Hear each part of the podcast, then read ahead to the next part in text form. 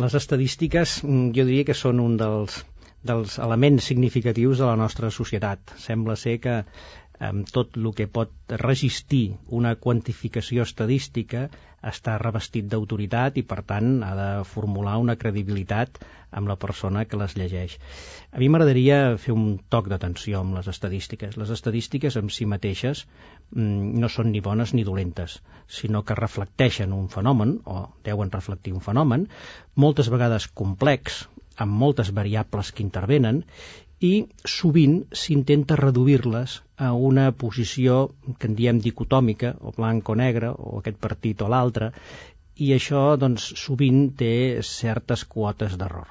Per tant, jo que estic a favor de les estadístiques, m'agradaria per rehabilitar-les que es fessin servir menys, que es fessin servir millor, que no es confonguin l'estadística com a temàtica amb la gent que usa les estadístiques i que s'abordin en prevenció.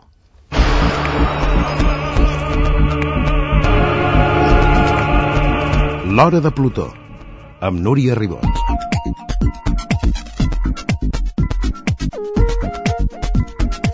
L'escriptor Bernard Shaw deia «L'estadística és una ciència que demostra que si el meu veí té dos cotxes i jo cap, vol dir que cadascú de nosaltres en tenim un, un cada un, així de clar. Vivim envoltats d'estadístiques. Cada dia se'n publiquen un munt sobre les qüestions més diverses. Avui a l'hora de Plutó volem saber si quantificar un fenomen social pot servir per explicar-lo o per predir el que passarà. Xavier Terriba és doctor en Sociologia i Neurociències, especialista en prospectiva i comunicació, autor de nombroses investigacions sobre diferents aspectes socials i director de la primera càtedra de mecenatge de la IL3 de la Universitat de Barcelona. Xavier, molt bona tarda i bona benvingut. Tarda. Moltes gràcies. Què et sembla aquesta frase d'en Bernard Shaw? Totalment veritat. Vull dir, és ben cert que quan en nom de l'estadística doncs, es poden fer moltes barbaritats, mm, com aquesta també que es deia, doncs, si una persona té un pollastre i l'altra passa gana, doncs totes dues van tipes perquè se n'han menjat la meitat. Això no és pas així, no? Però mm, certament l'estadística eh, s'ha d'usar, jo diria, amb bon criteri, sense tenir en compte que per si mateixa no, no beneeix o no mm, certifica qualsevol fenomen. Fixem-nos que mm, temps enrere l'autoritat doncs, la tenia l'Església, les veritats s'explicaven com a té, dogma. Eh? I la sí, té, però, però Déu-n'hi-do Déu nhi anys enrere, no? Vull dir que mm, venia des d'un sentit dogmàtic i, i diríem que era un referent, ja des de l'època medieval, doncs, tant la medicina com la cultura, estava als monestirs, vull dir, l'Església estava revestida, diríem, d'una moral i d'uns criteris de valor que certificaven més o menys la bondat d'un tema. A mesura, diríem, que hi ha una transició en relació a l'autoritat de la creença al coneixement, podem caure amb, amb un error també molt perillós, que seria que tot el que es vesteix de ciència aparent, o que això ho ha dit un científic, per exemple, doncs allò és absolutament cert. I diríem que la ciència el que ens dona és un mètode, i aquest mètode, que és el mètode de la replicabilitat, el mètode del contrast, el mètode de lligar causes amb efectes, doncs mm, sovint eh, per voler testificar la certesa d'un fet ho apliquem a qualsevol cosa. Llavors això mm, acostuma a produir-se efectes no del tot desitjables i en realitat l'estadística quan s'aplica sobretot a components socials que intervenen creences, valors, que intervenen també emocions. Uh -huh. um, veiem que um, el, el grau de complexitat que implicaria conèixer aquest fenomen amb, amb rigorositat faria molt més car el mètode. Per tant, quan sovint veiem, i ara en veurem moltes de les enquestes preelectorals, no? Tal diari tret una enquesta i l'altre treu un altre amb un resultat totalment no, no. diferent. I després diu, home, clar que encertaran, perquè si mm, d'alguna manera diuen lo blanc i lo negre, lo contrari i lo altre, doncs algú encertarà, no? La veritat per tant... és que per això volíem parlar amb tu avui. Un dels molts temes que parlarem, això de les estadístiques, no només les electorals, que en veiem un munt l'altre dia mateix, no? amb la del CIS, que el PSOE i el PP estan molt fregats només a dos punts i una miqueta més. Vull dir, tot això mm, la veritat és, dius, a veure, per què serveix? Falten quatre mesos per les eleccions. El mateix Winston Churchill utilitzant una altra vegada una frase d'aquestes, diu, no, no confio en les estadístiques, diu, només en aquelles que puc manipular. Clar, jo em penso, quan dones una estadística i la poses en mans d'un polític, què passa? Home, amb- La interpretació, quan escoltes un i l'altre, tothom ha guanyat, tothom ho veu des del seu prisma, no? Dius, Clar. carai, Clar, mm, de fet, mm, quan nosaltres veiem, i senyint-nos amb el que ara farem pràctiques tots, que són les enquestes electorals, no?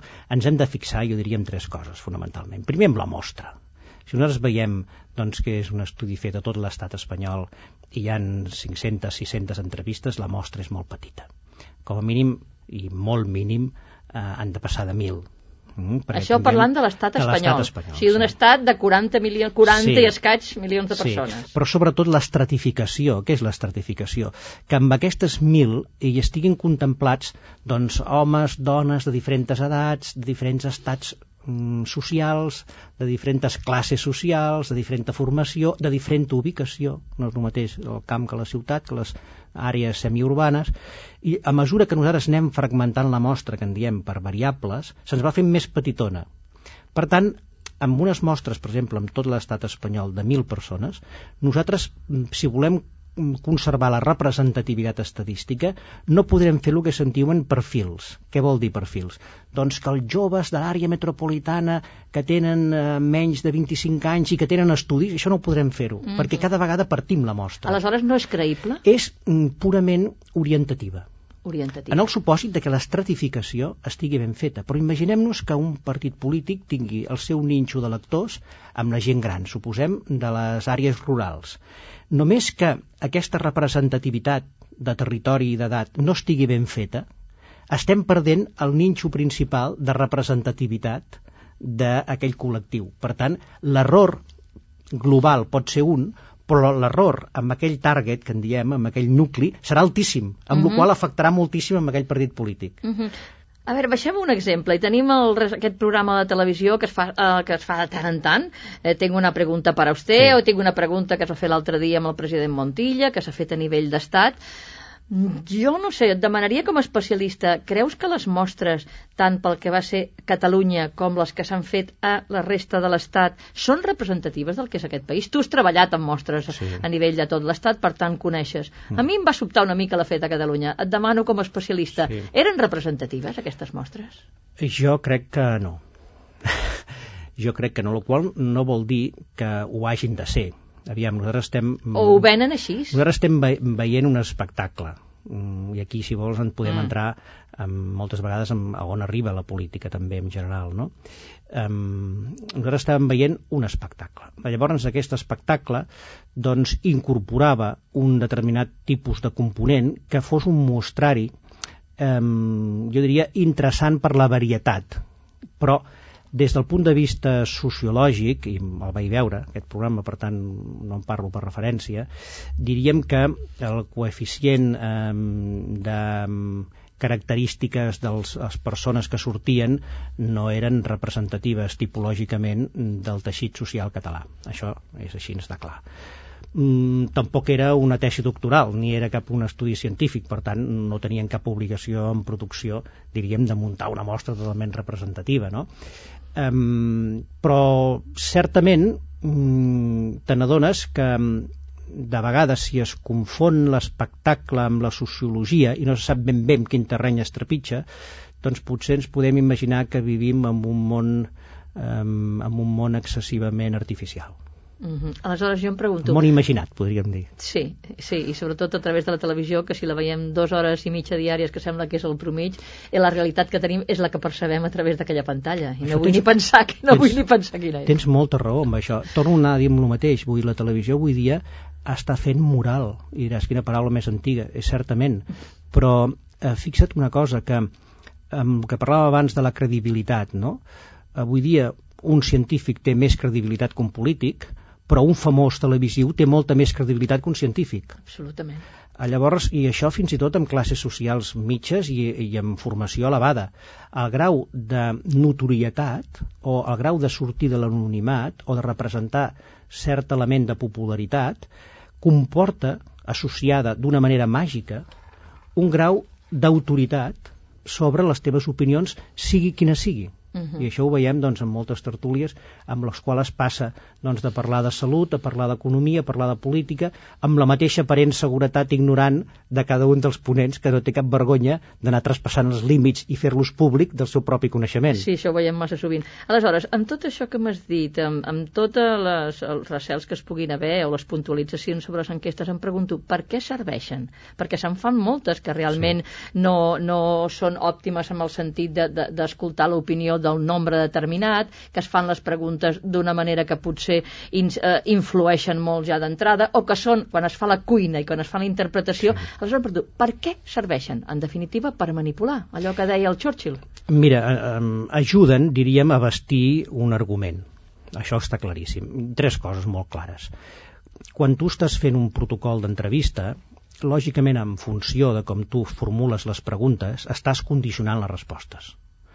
És una tècnica complexa saber elaborar un protocol. No és una cosa fàcil ni que pot fer qualsevol sociòleg ni qualsevol psicòleg, sinó que es necessita una pràctica i després valorar la consistència que se'n diu d'aquell instrument, perquè tu estàs creant com un test, no? i els tests necessiten passar el que se'n diu uns criteris de fiabilitat. Per tant, els protocols eh, ens haurien de dir el grau de consistència, ens haurien de dir l'alfa de Cronbach, per exemple, que tenen per poder medir el que pretenen medir perquè si nosaltres tenim una mostra que ens diu que té un nombre d'error, perquè des del punt de vista numèric i científic doncs correspon a través de l'aplicació d'una fórmula matemàtica aquell error, doncs ens estan ensenyant com a mínim una part de la ciència. Però en canvi si no ens diuen la fiabilitat del protocol, nosaltres ens quedem també amb un grau de desconeixement. Per tant, hauríem de saber perfectament la fiabilitat d'aquest protocol. Per tant, primer, un protocol que sigui fiable. Després, mm, es fa una opció quantitativa, jo crec un excés d'estadístiques. Què vull dir amb això? Jo cada vegada que veig eh, estudis d'aquests eh, sociològics en relació a les eleccions, mm, veig que molts d'ells tenen un vestit pobre, en el sentit de que són preguntes, vostè qui votarà? Llavors, clar, estàs formulant una quantitat de vot ocult que no estàs traient, perquè la gent, doncs, alguns menteixen, els altres senzillament doncs, no ho saben, o no ho volen dir-ho, no? Uh mhm. -huh. Per tant, si volguéssim saber més, haurien de ser estudis molt més cars i que fossin, el que en diem, mm, oberts. Què vull dir? Que no, ens basi, que no es basessin només en preguntes tancades. Si tu sempre poso els mateixos exemples. Jo. Quan et diuen, vostè és feliç amb un nucli de persones, sí o no? Vostè és feliç, sí o no? Dius, mira, hi ha 10 persones, tant sí són felices i 4 no. Molt bé, però què entén cadascuna d'elles per felicitat? Perquè potser veiem que unes per felicitat és no tenir deutes, per l'altra tenir salut, per l'altra tenir un, un criteri transcendent. I, eh, per tant, si nosaltres volem tenir una informació d'aquell col·lectiu, hem de saber també la interpretació. Per tant, les preguntes obertes amb les, amb les enquestes fan que aquestes siguin molt més cares. I llavors normalment són dicotòmiques, que en diem o blanc o negre, uh mhm. -huh. i mm, tira que te vas. Llavors què succeeix? Que un mitjà treu una enquesta i que potser deixa malament a un col·lectiu determinat o un partit polític determinat. Llavors aquell partit polític seu treu una altra enquesta que surt uh mhm. -huh. millor que l'altra. I per què es Bé. fa? Eh, en realitat, moltes vegades es fa per un desig de tenir un coneixement, jo diria, mm, més o menys objectiu de la tendència, però que mm, crec que se'n fan masses i se n'haurien de fer menys i més complertes. Per tant, que tinguessin major cost, però menys repetitives.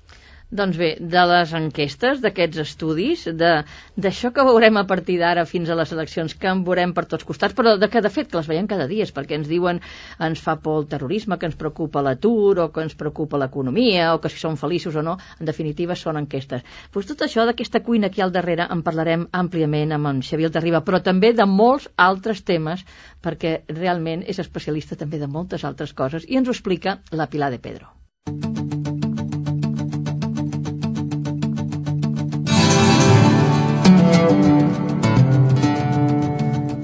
Estil de vida dels joves, món rural i urbà, gent gran, la dona, societats secretes, mitjans de comunicació, mecenatge, són alguns àmbits sobre els quals ha fet recerca el nostre convidat. Xavier Altarriba és doctor en Sociologia i Neurociències, programador analista i comunicòleg, especialista en metodologia prospectiva i director de la primera càtedra de mecenatge de l'IA 3 de la Universitat de Barcelona. Entre molts altres treballs ha publicat gerontologia, aspectes biopsicosocials del procés d'envellir, vivències silenciades, entrevistes a dones victimitzades, construint el futur desitjat, la guia pràctica del mecenatge, L'any passat va dirigir el llibre blanc sobre la relació entre adolescència i alcohol a Espanya i va publicar amb Florencio Serrano un llibre sobre la maçoneria. En el camp de la comunicació, Xavier Altarriba ha treballat en molts programes de televisió amb Joaquim Maria Puyal, Vostè jutge, El joc del segle, Vida Montxic, Tres pics i Repicó. A la Vida Montxic feia el disseny mostral de les enquestes i el Vostè jutge s'encarregava del procés de selecció dels concursants. Per cert, que recorda que van passar pel programa Ernest Benac i Josep Lluís Carot Rovira. En aquests moments, Xavier Altarriba està treballant en diferents projectes que tenen a veure amb el món rural, la gestió de la incertesa i el concepte de seguretat. Però això ja ens ho explicarà ell. Quan no treballa, el nostre convidat, que és Capricorn, ascendent Escorpió, li agrada la música. De fet, va estudiar alguns cursos de música al Conservatori i després a la Sala Celeste, en Joan Talbert Amargós, en qui han coincidit any més tard a la televisió. I una altra passió de Xavier Altarriba, la muntanya. Fa anys que practica l'escalada i els raids a cavall. Li hem demanat que ens recomani una ruta ben maca per fer a cavall. Diu que una possibilitat seria Sant Joan les Fonts, Coldares, Montlló i per sortir pel Cadí a Puigcerdà per fer-la en uns 3 dies. En prenem bona nota i ens ho anem pensant. Xavier Altarriba, escoltant aquí una mica el teu currículum, en va, en uns temps que tots ens especialitzem, que tothom va a parlar de la seva parcel·la i, i en sap molt d'aquella parcel·la, però que no surt de la parcel·la, clar, quan escoltava tot això, totes les teves, eh, el món, de, la vida dels joves, el món rural, la gent gran, la dona, es pot arribar a tantes coses? És curiositat, això? Bé. O, o què ve? Ah, sí. Amb... Això, o ets un No, tastolletes? no, en, en, en Freud tenia una frase que deia en aquest món el qui no combrega amb una neurosis col·lectiva té dues feines. Primer, doncs, eh, neurotitzar-se i segon, construir la seva pròpia neurosis, no?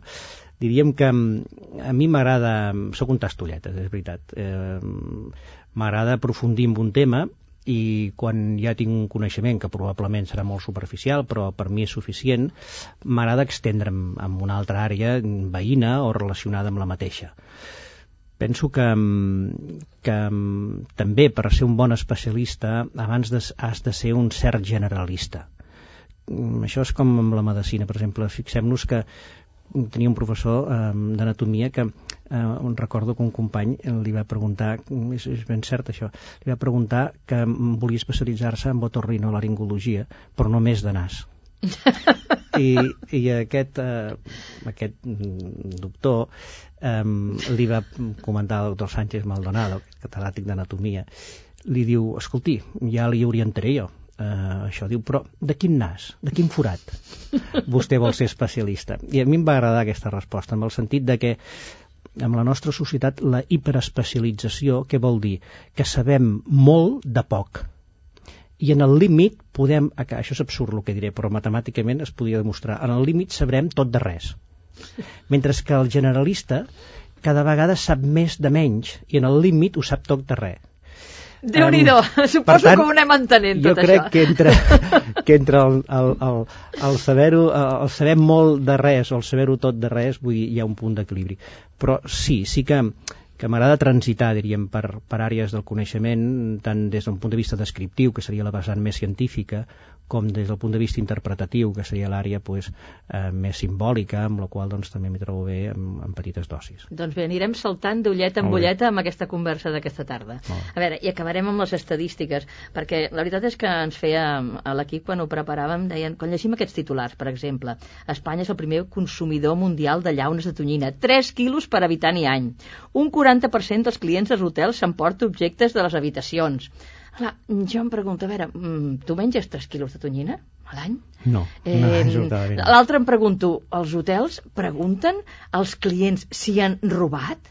Clar, tot això eh, eh, sobta una mica. I després les més abstractes, no? Per exemple, eh, la felicitat. L'altre dia en sortia una publicada per l'enquesta social europea que deia que els espanyols eren els més feliços d'Europa, però els que tenien menys energia, no? Ah, després, altres que diuen el 45% dels gitanos sent rebuig. Una cosa és lo material, que pots dir si és robat, les peces, comptar, les llaunes, els quilos, i l'altra és els sentiments, les percepcions, aquests conceptes abstractes. Això com... Clar, si és tan complicat ja fiar-se de les enquestes, com em poden dir que els espanyols són els més feliços d'Europa per entendre'ns? Jo diria que s'ho agafin amb pinces. Eh? Clar, imagina't, és una d'aquelles enquestes que diria sí, mira com estic jo, estic al carrer, no tinc feina o malalt o no sé què. És la, la més controvertida, diria jo, d'enquesta, no? Parlar de la felicitat. Clar, sens dubte que això és veritat. El que succeeix que sovint el que es fa és una parametrització, mm, que és marcar uns paràmetres a partir dels quals doncs es passa amb un número, amb, una, amb un, diríem, un índex un índex sobre el que representa la felicitat. I llavors doncs m'agradaria veure en què es basaven aquestes enquestes però moltes vegades és si tu no tens cap malaltia si tu tens eh, diríem una creença mm, de satisfacció i de realització a la teva pròpia vida si estàs ubicat en una família això puntua com a 10 per exemple. Però clar, això mm, està molt lluny de lo que una persona des del punt de vista subjectiu es pot sentir com a feliç. Fixem-nos una cosa.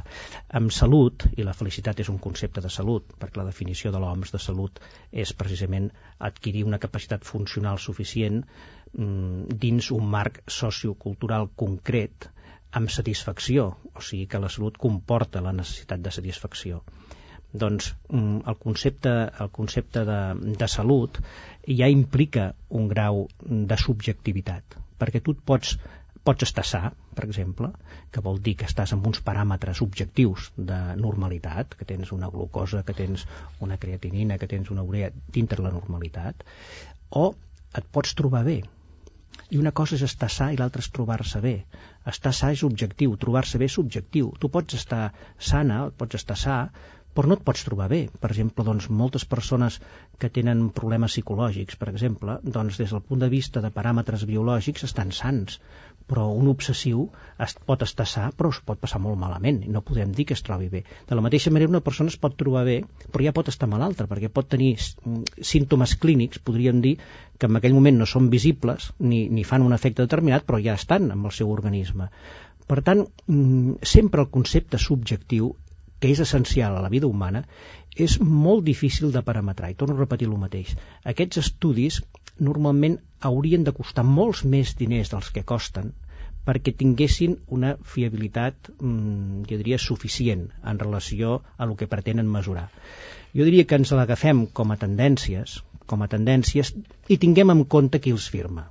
Uh mhm. -huh. I llavors lliguem dues coses. Les tendències en funció de qui els firma. Això és la part important. Per exemple, quan les firma el govern, el CIS, eh, el Centre d'Investigacions Sociològiques, el govern central, quan les firma Catalunya, la Generalitat també, que té l'organisme que també se n'en cuida. Aquestes sí. mm, enquestes eh, evidentment, seriosos ho són, però sempre penses, hi ha un govern darrere, hi ha una ideologia, hi ha una forma de plantejar preguntes i una forma d'interpretar les respostes.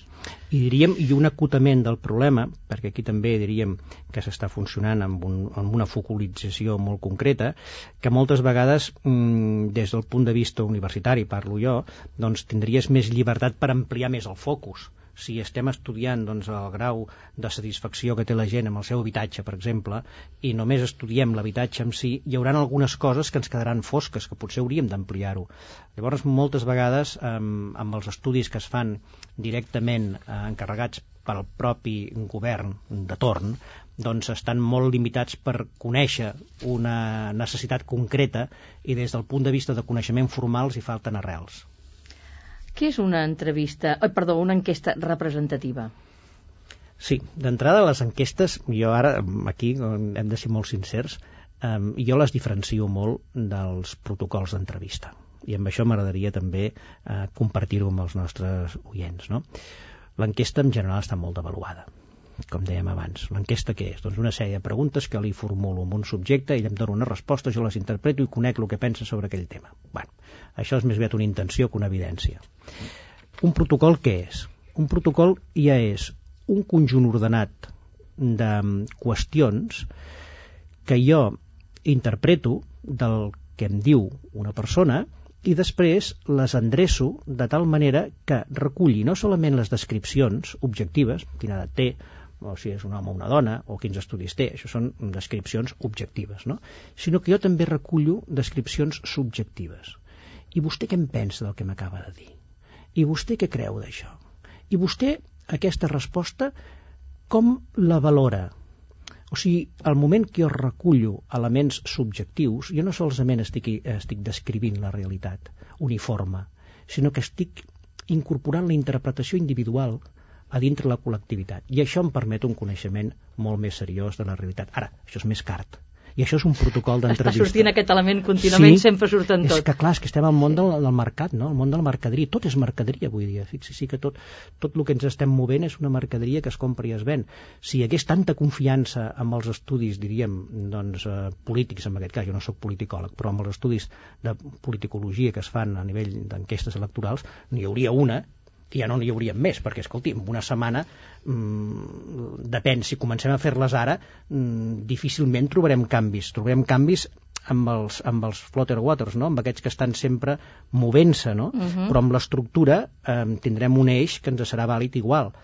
Ara bé, si nosaltres hem de contrarrestar amb tantes, diríem, mm, metodologies idèntiques, senyal que, que estem dubtant, en certa manera, de la pròpia metodologia. És com el pacient que té un diagnòstic i, i no se l'acaba de creure i busca un altre diagnòstic i un altre i un altre fins que n'hi ha un que diu, home, aquest ja m'agrada més, per tant paro ara. Jo em temo que avui els nostres oients en tot això diran, bueno, quan llegeixin qualsevol cosa al diari o escoltin Siguin a la prudents. ràdio, diran, carai, carai, tot això que, siguin en diuen, crítics. que siguin crítics. La meitat Prudent. de la meitat. Abans d'escoltar una mica de música, què és la prospectiva? I així anem Sí, la, la, la prospectiva és una, és una barreja, jo diria, un còctel, no? un còctel amb el qual hi ha una part d'estadística, per tant una part de matemàtica, i una part d'ofici sociològic. I l'ofici sociològic jo diria qualitatiu.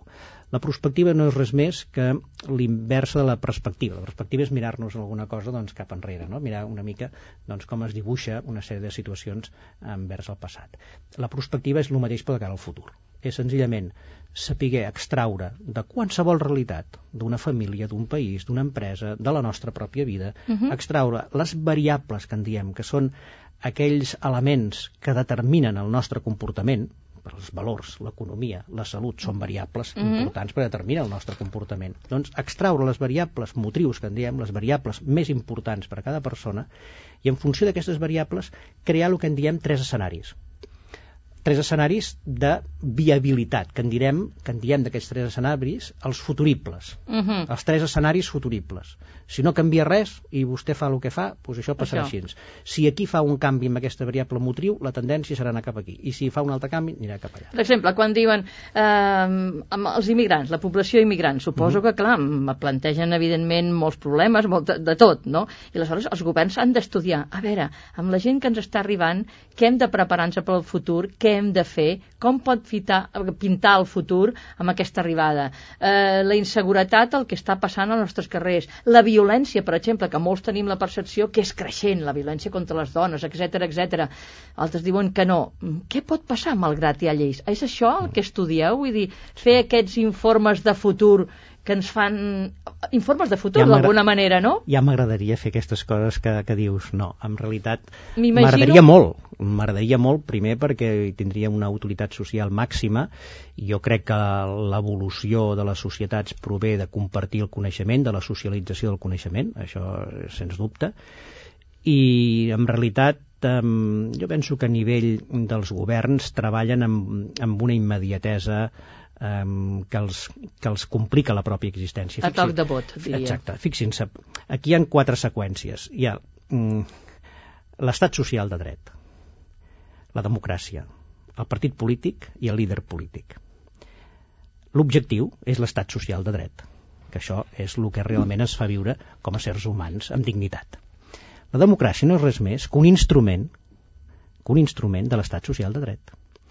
Els partits polítics no són res més que unes peces d'un instrument i els líders no són res més que uns cargols d'unes peces d'un instrument que està al servei d'una finalitat que és l'estat social de dret. Si nosaltres fem un anàlisi de contingut, que és un element també molt interessant i que fem uns quants diaris o unes quantes emissores de ràdio o de televisió, i nosaltres veiem, fem aquestes quatre columnes, estat social de dret, democràcia, partit polític, líder polític, i mirem què surt més. Potser veurem que és a l'inversa, que moltes vegades l'estat social de dret és l'excusa de la democràcia i la democràcia és l'excusa del partit polític i el partit polític és l'excusa dels líders. Mm. I llavors amb, amb això ens determina que es viu molt políticament la sensació que tenim els tècnics des de fora amb la immediatesa de les decisions de la negociació a través d'un intercanvi d'un intercanvi de situacions urgents o un intercanvi, diríem, em, a través de les coalicions governamentals, que una ha de donar una cosa i l'altra ha de cedir amb una altra, i aquestes urgències conjunturals impedeixen una planificació a llarg termini. Mm, el que vostè estava dient, per exemple, el tema de la immigració. Doncs jo cada vegada que sento parlar de la integració, sempre mm, la integració es veu des del punt de vista de les diferents comunitats que estan amb nosaltres en relació, en aquest cas, als catalans. Però i la integració transversal? Què té que dir-li un àrab amb un peruà? O un, o un marroquí amb un xinès? qui ha fet estudis transversals d'integració? Són complicadíssims, perquè estem parlant de valors d'antropologia, de sociologia, de psicologia, de transcendència, d'espiritualitat i de religió. Però és la realitat social tant, que vivim. Sí, però qui hi intervé? Quins estudis es fan amb aquesta línia? Jo crec que no se'n fan. I si se'n fan no es publiquen, la qual crec que no se'n fan, perquè això no serien públics. La veritat és que només amb les enquestes podíem estar tota l'hora, però no, no, hem de parar perquè tenim molts més temes per parlar amb en Xavier Altarriba i hem d'escoltar una mica de música. Tot el que has escollit és música clàssica. És I que- començarem per Mozart. Sí, sí. Mozart és, eh, és l'enveja, diríem, de qualsevol persona que s'hi acosti la música. Em, jo dissortadament vaig fer una mica de clarinet i tal, i ja tocava algunes cosetes de Mozart i de jazz. Clar, quan veus amb l'edat amb què tocava i el que componia, doncs no pots res més que, que intentar doncs, amb, amb la distància que ens separa fer un cert vincle de complicitat i reforçar-te. Com a mínim l'escoltarem, el Moltes concert de clarinet. Perfecte.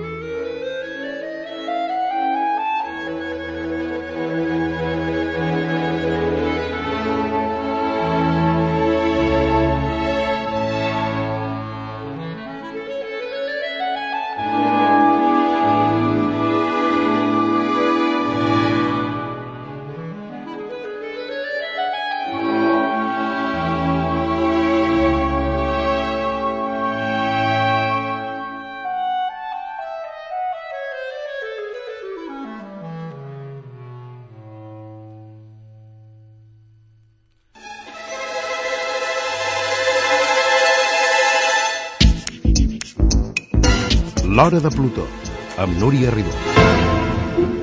I continuem la conversa amb Xavier Aldarriba, doctor en Sociologia i Neurociències. Hem parlat fins ara de les enquestes, però una altra vessant, eh? perquè deia que era com un tastolletes, mm. i obrim una altra ulleta. Vau fer un llibre blanc sobre la relació d'adolescència i alcohol. Sí. És el tema. Però jo em pregunto, era el tema a la nostra època quan érem més joves? Sí. Qui no ha passat per l'alcohol? Qui no s'ha passat de voltes? Mm, està sent diferent? Quines circumstàncies fan que això ara potser ens preocupi? O la millor els nostres pares estaven tan preocupats com els pares d'avui, no sé, però no em dóna la impressió. No. Nosaltres realment aquest estudi doncs mira l'hem fet amb la Fundació Alcohol i Societat de Madrid i amb la Universitat de Barcelona i hem entrevistat a 24.000 adolescents aquesta sí que és representativa, aquesta sí que és representativa i seriosa, aleshores. És la més important que s'ha fet a Europa, la més important que s'ha fet a Europa, i hem mm, fet un estudi exhaustiu sobre els estils de vida juvenils, adolescents de 12 a 18, hem dit nosaltres, i dintre aquests estils de vida la relació que tenen amb el consum d'alcohol. Però també sobre els estils de vida juvenils. Hem fet un screening important.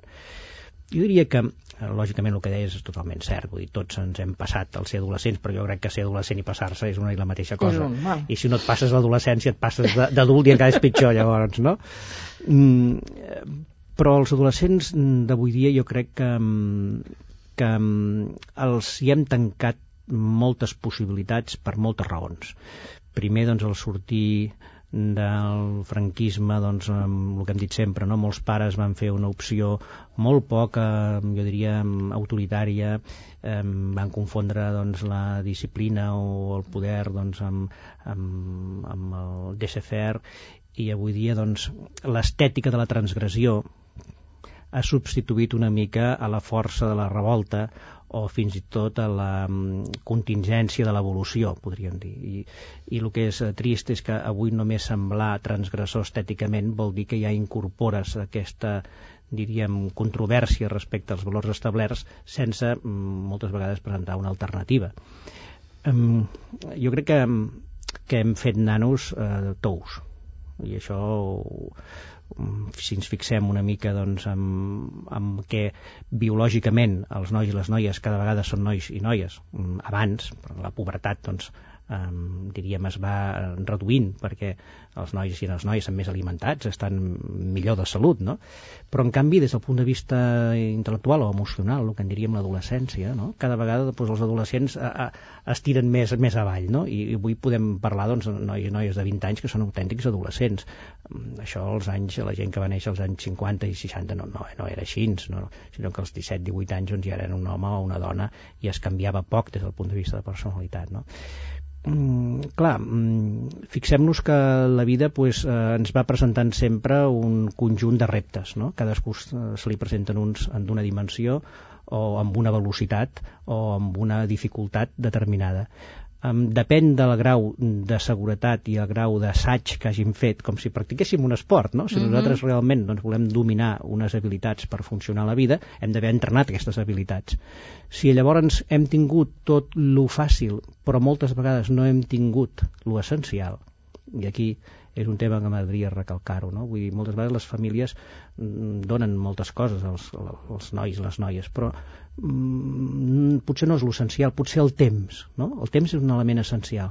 Potser tenim poc temps per dedicar, eh, o la gent que té fills, doncs té poc temps per dedicar-los a aquests fills, i potser treballa molt per donar-los coses que no són essencials, en canvi és més essencial el temps, però mm, la interpretació de lo que un creu que és essencial no sempre ha de coincidir amb el que és essencial per l'altre. Ja tornem a estar amb la uh mhm. -huh. subjectivitat. No? Aquest anàlisi que fas és l'anàlisi que es fa també quan parles del fracàs escolar. Que bé, per exemple, si, si estem en aquesta primera línia, també sortia aquest altre dia no? l'estudi sobre el cannabis, sobre la cocaïna, estem als primers llocs, clar, uns primers llocs que, que ens posen la pell de gallina una mica. Clar. Després, a l'últim lloc, en fracàs escolar.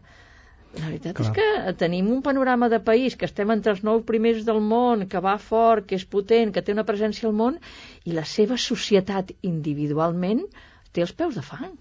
Jo crec que sí, per, per diversos motius. Primer, mm, crec que falta un projecte una mica unitari, no? un projecte, podríem dir, d'il·lusió, de realització de les biografies personals. Al tant, quan parlem amb un projecte de país, moltes vegades és un, un concepte molt abstracte i la gent, en el fons, està pensant doncs, eh, com està la seva, el seu eh, compte corrent i com estan doncs, els seus recursos personals. No? Per tant, un país jo crec que ha d'oferir la possibilitat de que cadascú realitzi el seu projecte personal. I llavors aquest país es defensa i aquest país s'estima no tant com una imposició des de fora, sinó com un sentit d'agraïment des de dintre. I si nosaltres ens fixem fins a quin punt hem dificultat la realització de les mm, projectes o de les vocacions personals. Li posaré un exemple. Durant anys s'han matxacat a les universitats de Medicina els nois i les noies que volien estudiar Medicina posant unes notes de tall brutals. I molts nois i noies doncs, han acabat fent altres carreres totalment dignes, però diferent de les que elles volien fer. Ara ens n'adonem que ens falten metges. I llavors creem noves facultats i importem metges de fora amb una formació moltes vegades diferent de la que nosaltres tenim aquí. Nosaltres tenim una formació excel·lent en medicina i, i per això ens els prenen tots els països, els metges nostres. Llavors nosaltres estem fabricant, entre cometes, metges d'una gran qualitat i estem important mm, doncs, metges que no tenen la qualitat que mm, els que s'han format, diríem, en el nostre país. I hem aixecat les biografies durant dècades d'anys de gent que tenia molta vocació per una cosa tan abstracta com el que en dèiem una nota de tall, que pot recollir les habilitats certament, amb, amb tot el promig del batxillerat, per descomptat que sí, un examen a car i creu, ja sabem tots que hi poden haver-hi molts elements que influencien. Però hi ha una cosa importantíssima, que no hem contemplat, el més important, que és la vocació. Pensi que hi ha quatre eixos que si funcionen ordenadament la persona es realitza, que és la vocació, la formació, la professió i l'ocupació. Nosaltres aquí, amb la nostra societat occidental, en general, i també el nostre país en particular, això ho hem fragmentat. I diem, mm, escolti'm, vostè té vocació, però avui què li fa falta a la, a la societat? I vostè per què serveix? Estem cosificant l'individu. I l'individu, quan el cosifiquem, se'ns escapa, perquè hi ha elements que no es poden cosificar. Una persona amb vocació i amb menys, amb menys diríem, habilitats pot ser millor professional que un altre amb menys habilitats, però amb, amb més habilitats però amb menys vocació. Possiblement no s'ha fomentat aquesta vocació, però és curiós com la força del mercat, la força de l'economia, sí que els hi ha entrat amb, aquest, amb aquests joves. Estic tipa d'escoltar, dius, bueno, sí, estudiaré això, però després de que treballaré, em pagaran? Serà una feina, una professió, una especialització ben pagada? O sigui, el que sobretot tenen pel davant és el mercat, com funcionarà el mercat, més enllà de que els hi pugui agradar una la professió. Clar, eh, sens dubte, perquè aquesta és una mica una perversió del sistema. Fixem-nos que en el moment que ho passem tot pel filtre econòmic, doncs estem posant el carro davant dels bous. Jo crec que l'economia ha d'estar al servei de les persones, no les persones al servei de l'economia. Quan una persona fa un raonament i diu a mi què em donarà més recursos per poder funcionar abans que escoltar la seva pròpia vocació o poder-la realitzar, anem malament. Perquè entrem en un paràmetre del desenvolupisme o el desenvolupament o el creixement econòmic justificatiu de les biografies individuals, per ser. I és una bestiesa. Perquè potser ens hem de començar a plantejar quin és el creixement òptim perquè a partir del qual el que hi hagi seria un increment de la satisfacció de les biografies individuals en comptes de produir més i produir més i produir més i cada vegada, doncs, cada any s'ha d'aixecar el PIB. Bueno, escolti, perdoni, potser en un moment determinat el que interessa és tornar a posar el que hi ha primer des del punt de vista de satisfacció personal. I això sembla que ha quedat en darrer lloc. No es contempla. Una altra pausa, una mica més de música. Has escollit Wagner? Sí. Eh? El cor dels per pelegrins. créixer, sí. Tots som peregrins en aquest món, no? Sabem que hi estem un temps i després desapareixem i com a mínim doncs, donar-nos en compte. Escoltem-lo.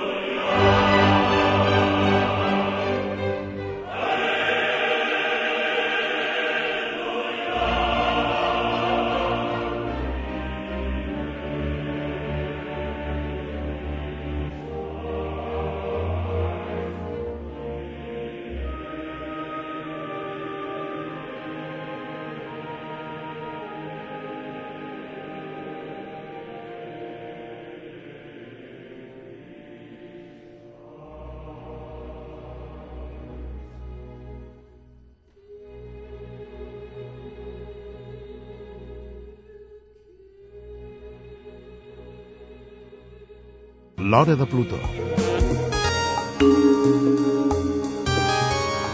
I ja arribem a la darrera part del programa, els últims minuts. Estem parlant amb Xavier Altarriba, doctor en Sociologia i Neurociències. A veure si som capaços, amb aquests quatre minutets que en queden, de tocar el munt d'aquestes ulletes que hem anat obrint.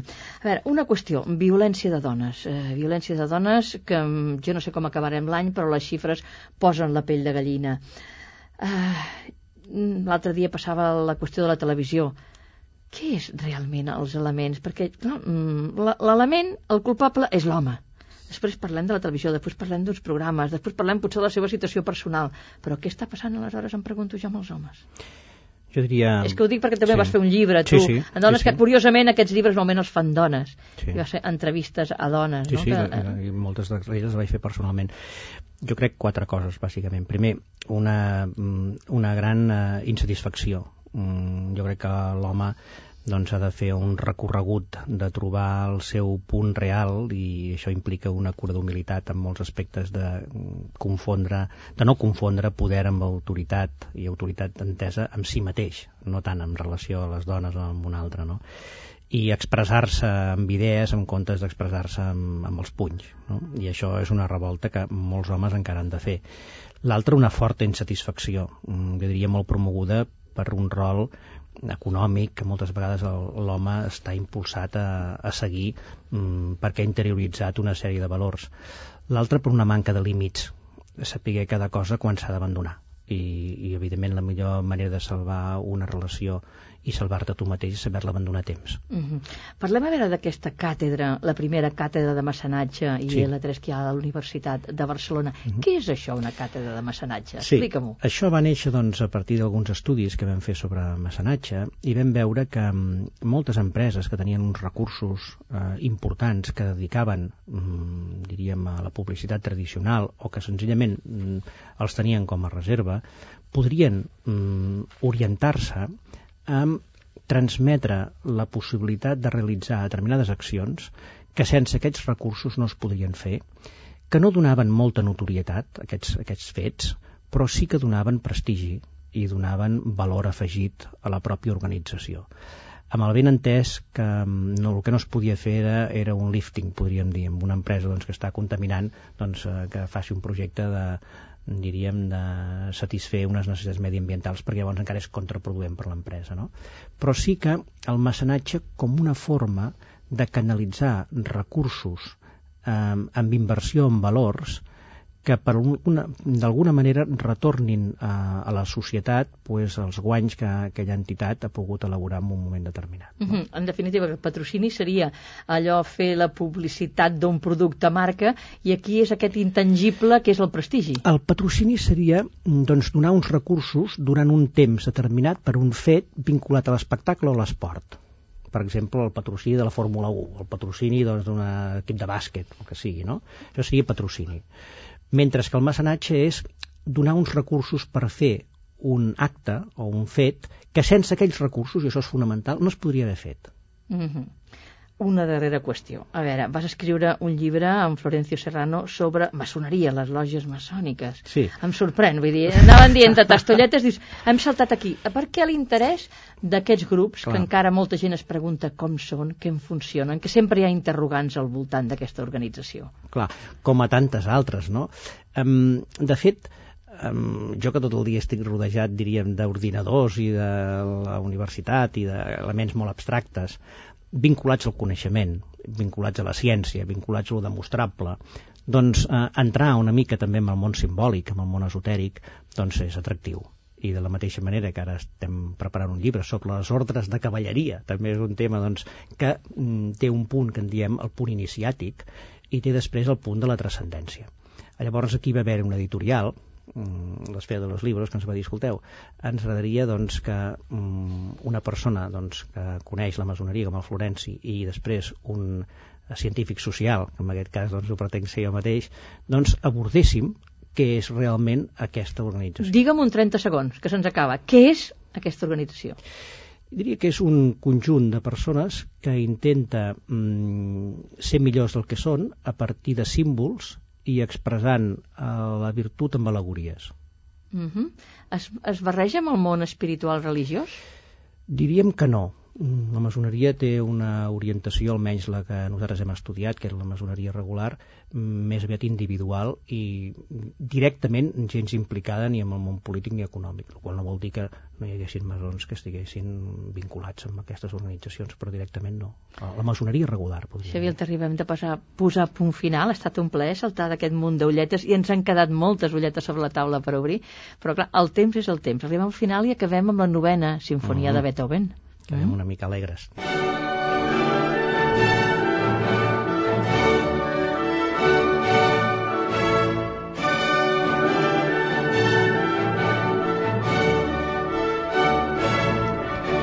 punt final, gràcies Javier Terriba hem començat per l'estadística i hem acabat parlant dels adolescents, de l'alcohol i finalment de la maçoneria home eh? més complet i més del renaixement impossible